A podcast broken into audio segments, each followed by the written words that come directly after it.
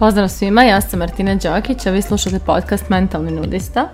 Nalazimo se u 119. epizodi i u ovoj epizodi govorit ću o povratku u tijelo, odnosno o jednoj stvari koja je izmakla nama u 21. vijeku i u kojoj sam ja sama našla e, mnogo znanja kada sam počela da se vraćam u svoje tijelo i objasnit ću naravno u samoj epizodi o čemu se tu radi i kako to mislim, povratak u tijelo. E, više puta u ovom podcastu pričala sam o tome koliko je 21. vijek kognitivan, koliko smo ušli u um, u dali mozgu najveću prednost i dali mozgu najveći značaj i logici ono prioritet i zato recimo nauka postala nova religija, je li sve što je naučno dokazano to se vjeruje i u tome to je jedino u što može da se vjeruje, a sve što nije naučno dokazano nije logično i to je nebuloza. Međutim, nauka je vrlo ograničena stvar jer ona ima i svoj, svoj razvojni put i svoj kapacitet do kog dobacuje u određenom trenutku, tako da neke stvari koje su danas naučno dokazane su ljudima od pre 50 godina nebuloza bile, jeli? Kad mi neko to spomenuo. Tako da možda i neke stvari koje neko sada priča, a nauka još nije dokazala, zvuče kao nebuloza, ali ne znači da to jesu. Nego samo znači da nauka još nije uspjela to da dokaže. Nego da se ja vratim ovu temu tijela, a to je da je upravo ta kognitivnost dovela do toga da smo mi nekako za sve živo dali mozgu prednost, a e, za donošenje odluka, za biranje raznih nekih puteva u životu, za to šta nam treba, šta nam ne treba, šta nam odgovara, ne odgovara i slično. I između ostalog, e, dali smo mozgu primat nad tijelom. I mozak sad određuje koja je hrana dobra, koja nije, da, e, koliko puta treba dnevno da se jede, kojim ritmom, s kojim razmacima i slično. I e, negdje, mnogo je neobično, ali ja sam, na primjer, baš posvetila se tome da se vratim svojem tijelu i da počnem da čujem tijelo. I baš je moja drugarica e, rekla meni prije par mjeseci jednu izjavu koja mi se jako dopala i moguće da sam je ovdje ispominjala, a to je koliko je važno vratiti se u tijelo jer je duša u tijelu, a ne u glavi. I zvuči mi onako, to je sve meni zvučalo jako privlačno, ali nisam to razumjela dok nisam počela da čujem svoje tijelo. A kako sam prošla ovaj proces i nutricionizma i rješavanja mindseta o ishrani i svašta nešto, ja sam počela da čujem tijelo. I evo, na primjer, e, na primjer u te moje ishrani. Ranije je moja glava birala šta joj se jede, šta joj je privlačno, šta, šta joj je neodoljivo ja bih to jela, iako se moje tijelo često nije osjećalo dobro zbog toga. I mi to često radimo, zapijemo se jer eto ponese nas trenutak i glava je izabrala da je to super ideja, a tijelo se raspada od mamurluka i svega.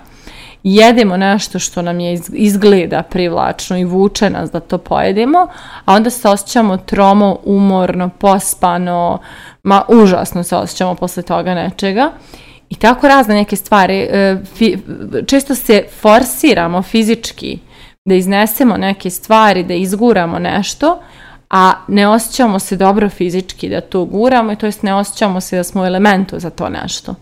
Tako da mi često zapravo, ne često, nego mi smo doslovno dali mozgu primat da upravlja tijelom, a tijelo samo po sebi je inteligencija posebne vrste odnosno tijelo ima svoja čula, svoje načine da donese odluke, a mi mu to ne dozvoljavamo.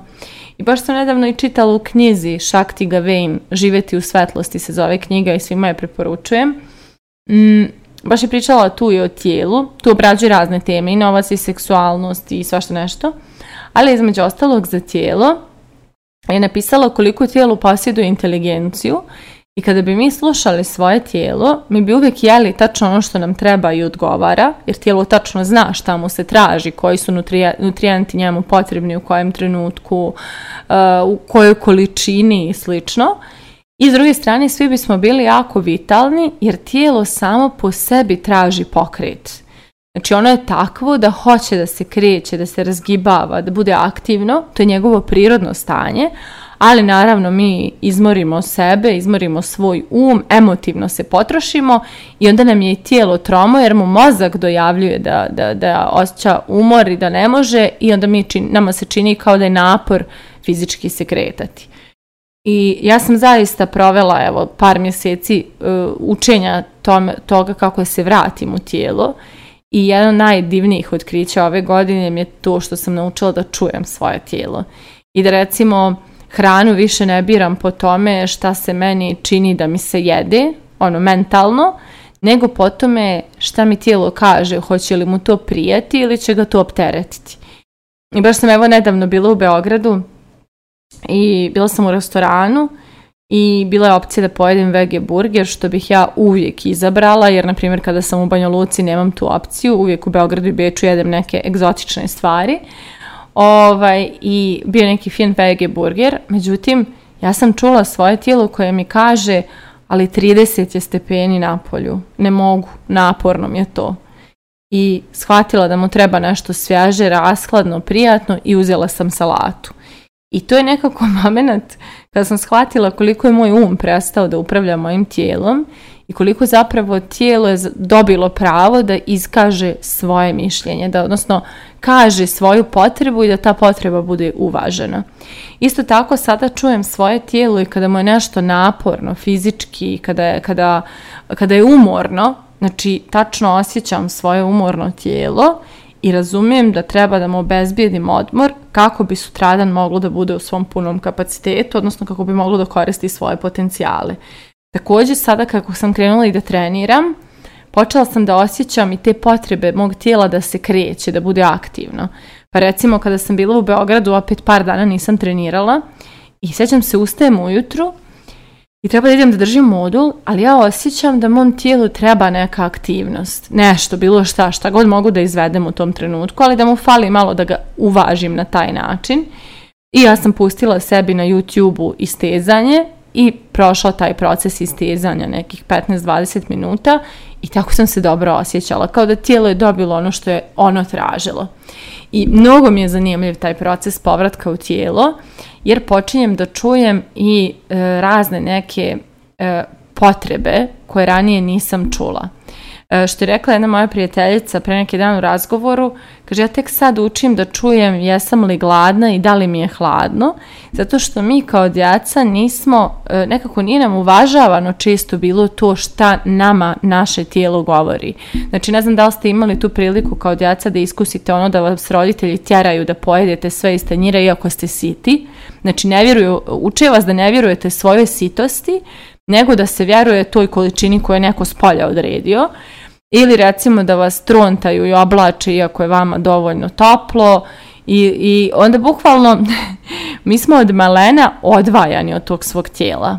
Znači, ili ako plačemo jer nas nešto boli, onda nas oni umiruju, ajde, nije to ništa, nije proći će, ajde, ajde. Znači, bukvalno, od kad znamo za sebe, odvajani smo od toga da čujemo svoje tijelo a ona toliko toga ima da nam kaže i ja sada sve više slušam tijelo i kada su osjećaj u pitanju. Znači, kada su odluke u pitanju, sad sam se skroz prebacila na gut feeling, odnosno na intuiciju ili na, na, na kako se to prevodi na osjećaj debelog crijeva, jer u, njemu je tu naš drugi mozak, naš drugi emocionalni centar. I tačno sad mogu da ispratim šta mi moj gut feeling govori. Ako se čuje neka buka, to je moja mašina za suđe. Uglavnom, ovaj, počela sam da čujem reakcije i emocije tijela koje prikuplja razne neke informacije i kroz te informacije mi komunicira šta je za mene ispravno, šta nije, čak i u nekim odnosima, odlukama i slično. Tako da baš sam sad ušla u skruzu taj osjećaj tijela i pratim i saznajem i osluškujem i zaista kao da sam dobila novo čulo, tako se osjećam.